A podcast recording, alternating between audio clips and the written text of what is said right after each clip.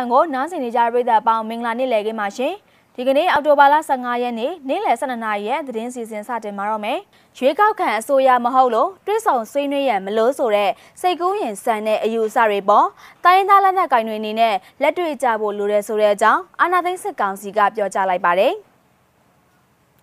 လူသက်မီးရှို့တဲ့ဖက်စစ်စစ်ကောင်စီတပ်ကိုလက်တော့ပြန်တိုက်ခိုက်မယ်လို့ချင်းညူသားကာကွယ်ရေးတပ်ဖွဲ့ကပြောကြားလိုက်တဲ့သတင်းတွေပါဝင်တခြားစိတ်ဝင်စားပွဲကောင်းတဲ့သတင်းတွေကိုတင်ဆက်ပြီးတော့မှာပါပထမဆုံးသတင်းသဘုံအနေနဲ့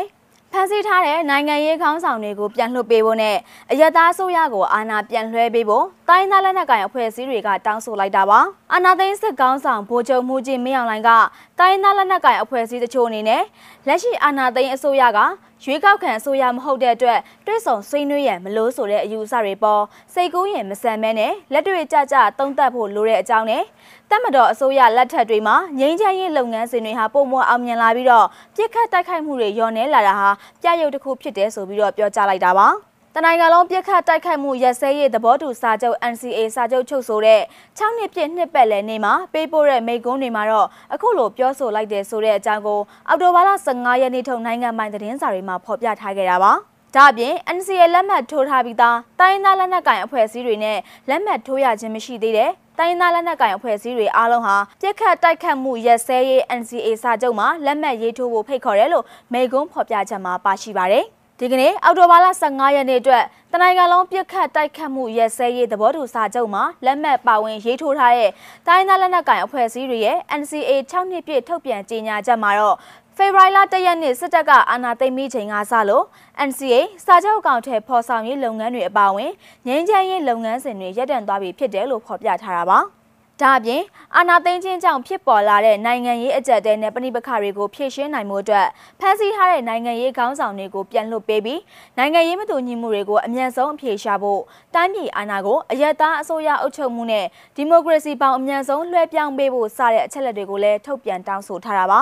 တစ်ဖက်မှာလည်း ပြီးခဲ့တဲ့မေလကလေးက NCA စာချုပ်မှာပါဝင်လက်မှတ်ရေးထိုးထားတဲ့တိုင်းသားလက်နက်ကိုင်တချို့ဟာအာဏာသိမ်းပြီးရဲ့နောက်ပိုင်းမှာတော့မြန်မာနိုင်ငံရေးအကြက်အတဲတွေကိုဝင်ရောက်ဖြည့်ရှင်းပေးဖို့ NCA လက်မှတ်ထိုးစဉ်ကတပ်တွေဖြစ်ပါဝင်ခဲ့တဲ့နိုင်ငံတွေကိုတောင်းဆိုခဲ့တာရှိသလိုအာဏာသိမ်းမှုကိုစွန့်လွတ်မှသာလျှင်အာဏာသိမ်းစစ်ကောင်းဆောင်နဲ့တွေ့ဆုံမယ်လို့ပြောဆိုထားချက်တွေလည်းရှိနေပါတယ်။လက်ရှိအာဏာသိမ်းထားတဲ့ကာလအတွင်းမှာလည်းစစ်ကောင်စီဘက်က အော်တိုဘာလ၁ရက်နေ့ကနေ2022ဖေဖော်ဝါရီလ28ရက်နေ့ထိအပြစ်ခတ်ရက်စဲရေး9လတာတိုးမြင့်ကြောင်းထုတ်ပြန်ကြေညာခဲ့ပေမဲ့တိုင်းသားဒေသတွေမှာစစ်ကောင်စီဘက်ကထုတ်စစ်ဆင်မှုတွေကြောင့်တိုက်ပွဲတွေဇက်တိုက်ရှိနေသလိုစစ်ပေးရှောင်နေရတဲ့တိုင်းရင်းသားတွေကလည်းတိတ်နဲ့ချီရှိနေတယ်လို့ဒေသခံလူမှုအဖွဲ့အစည်းအသီးသီးကပြောဆိုထုတ်ပြန်ထားတာပါ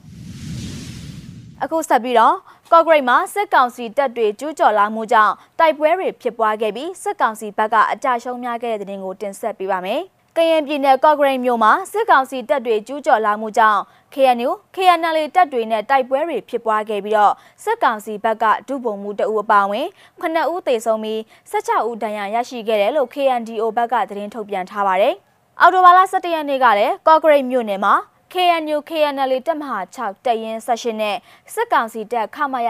956တို့နှစ်နာရီကြာပြစ်ခတ်တိုက်ခိုက်မှုဖြစ်ပွားခဲ့ပြီးတဲ့နောက်မှာတော့စစ်ကောင်စီဘက်က3ဦးသေဆုံးခဲ့ပြီး73ယောက်ထိခိုက်ဒဏ်ရာရရှိခဲ့တယ်လို့ KNDO ကပြောဆိုခဲ့တာပါ။ဒါ့အပြင်အော်တိုဘာလ12ရက်နေ့မနက်9:00နာရီအချိန်မှာ စစ်ကောင်စီတပ်ခမရ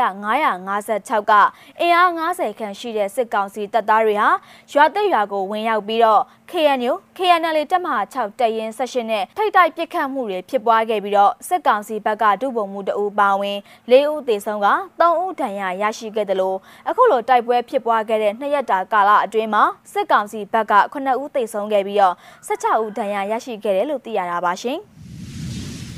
အခုဆက်ပြီးတော့ လူသက်မီးရှို့တဲ့ဖက်စစ်စစ်ကောင်စီတပ်ကိုလက်တော့ပြန်တိုက်ခိုက်မယ်လို့ချင်းမျိုးသားကာကွယ်ရေးတပ်ဖွဲ့ကပြောကြားလိုက်တဲ့သတင်းကိုတင်ဆက်ပေးပါမယ်။ချင်းပြည်နယ်အပါအဝင်မြန်မာနိုင်ငံအတွင်းကရဟန်းရှင်လူပုတ်ကိုတွေကိုနေ့စဉ်နဲ့အမျှအဓမ္မဖမ်းဆီးတပ်ဖြတ်ပြီးတော့အများပြည်သူနေအိမ်တွေကိုမိရှို့ဖျက်ဆီးနေတဲ့အကြမ်းဖက်စစ်ကောင်စီတပ်ကိုလက်တော့ပြန်တိုက်ခိုက်သွားမယ်လို့ချင်းမျိုးသားအဖွဲ့ချုပ်ချင်းမျိုးသားကာကွယ်ရေးတပ်ဖွဲ့ကထုတ်ပြန်ကြေညာလိုက်ပါတယ်။အာနာကို လက်နက်အားကိုနဲ့မတရားရယူတင်စီထားပြီးတော့ပြည်ထောင်စုတဝမ်းလုံးမှာရှိတဲ့ရဟန်းရှင်လူပုတ်ကိုတွေကိုနေ့စဉ်နဲ့များအဓမ္မဖမ်းဆီးတပ်ဖြတ်ကစစ်ရာဇဝတ်ကျူးလွန်နေတဲ့စစ်ကောင်စီတပ်တွေဟာချင်းပြည်နယ်ဖလန်းမြို့တုဖေကျေးရွာမှာရှိတဲ့အပြစ်မဲ့ရွာသားနှစ်ဦးကိုလူမဆန်စွာမနေ့ကပြစ်ခတ်တပ်ဖြတ်ခဲ့ပြီးတော့ရန်ကားခဲ့တဲ့စစ်ကောင်စီတပ်သားတွေဟာသူတို့ခြေချရာလမ်းတစ်လျှောက်ကျေးရွာတွေမှာရှိတဲ့ပြည်သူတွေကိုတနက်ပြစ်ဖောက်ချင်းချောက်တာတွေအိမ်မွေးတရိတ်ဆန်တွေလူသုံးဆောင်ပစ္စည်းတွေကိုလူရက်တာတွေကျူးလွန်ခဲ့ပြီးတော့အောက်တိုဘာလ23ရက်နေ့နဲ့14ရက်နေ့တွေမှာဖလန်းမြို့နယ်ရက်သီးကျေးရွာမှာရှိတဲ့ဖះเจ้าအပါဝင်ရွာလုံးကျွနဲ့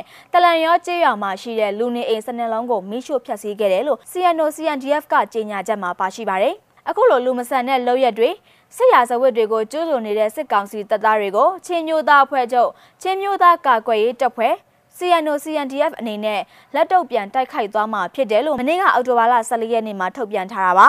အော်တိုဘာလ23ရက်နေ့နဲ့14ရက်နေ့တွေမှာဖလန်းမြို့ကနေထွက်ခွာလာတဲ့တန်ချက်ကအမြောက်ကားနှစ်စီးပါစစ်ကောင်စီရင်တန်းကိုလုံပြီးကျေးရွာနဲ့တလန်ရောကျေးရွာကြားမှာ CNDF CDF တပ်ဖွဲ့တွေကပူးပေါင်းတိုက်ခိုက်ခဲ့တာပဲဖြစ်ပါတယ်ရှင်။နောက်ဆုံးသတင်းတစ်ပုဒ်အနေနဲ့ ရန်ကုန်တိုင်းတာဂေတာမြို့နယ်မှာဒီကနေ့အောက်တိုဘာလ15ရက်နေ့ကဆရာနာရှင်ဖြုတ်ချရေးအတွက်မြို့နယ်အသီးသီးမှာတက်ကြွစွာပါဝင်လာတဲ့လူငယ်တပိတ်စစ်ကြောင်းများကစူပေါင်းဆန္ဒပြကြတဲ့မြင်ကွင်းကိုလည်းတူတူကြည့်ရအောင်ပါရှင်။ဆရာနာရှင်ဖြုတ်ချရေး။တော်ရေးတော်ရေးဆရာနာရှင်ဖြုတ်ချရေး။တော်ရေးတော်ရေးမောက်မောက်မောက်မောက်ညီရညီရညီရညီရမောက်မောက်မောက်မောက်မြေအောင်လိုက်မြေအောင်လိုက်ဘေးနိုဘေးနိုမြေအောင်လိုက်မြေအောင်လိုက်ဘေးနိုဘေးနို ဒီရပြီဗျခင်ဗျာကျွန်တော်တို့ဆရာနာရှင်တွေကအာနာသိန်းသားဆိုရင်ရှင်းလာ ကြော်ခဲ့ရှိပါလေကျွန်တော်တို့လူငယ်တွေနဲ့ပြည်သူတွေကဇာတ်ရဇာတ်လို့တောင်းလာပေါက်တဲ့နေကြတာရှိပါလေကျွန်တော်တို့လည်း2009ခုနှစ်ကလို့လည်းရထားကဒီလာတဲ့ကိုပြန်သွားပြီးတယ်ဆိုတော့ခင်ဗျားတို့လည်းကျွန်တော်တို့လည်းပူပေါင်းရတယ်ပြန်သွားနေလို့ရကျွန်တော်တို့ကပူပေါင်းလို့ဖိတ်ခေါ်ပါလေရေအောင်အာရမီရေအောင်အာရမီရေအောင်အာရမီမင်းအောင်လိုက်မင်းအောင်လိုက်မင်းအောင်မင်းအောင်မင်းအောင်လိုက်မင်းအောင်လိုက်မင်းအောင်မင်းအောင်မင်းအောင်လိုက်မင်းအောင်လိုက်မင်းအောင်မင်းအောင် အော်တိုဘာလ 15ရက်နေ့နေ့လယ်12နာရီထိနောက်ဆုံးရရှိထားတဲ့သတင်းတွေကိုတင်ဆက်ပေးခဲ့တာပါ။နားဆင်ပေးခဲ့တဲ့အတွက်ကျေးဇူးတင်ပါတယ်။အားလုံးပဲကျမ်းမာရှင်လန်းနဲ့တနေ့တာခရီးကိုဖျက်ဆီးနိုင်ကြပါစေရှင်။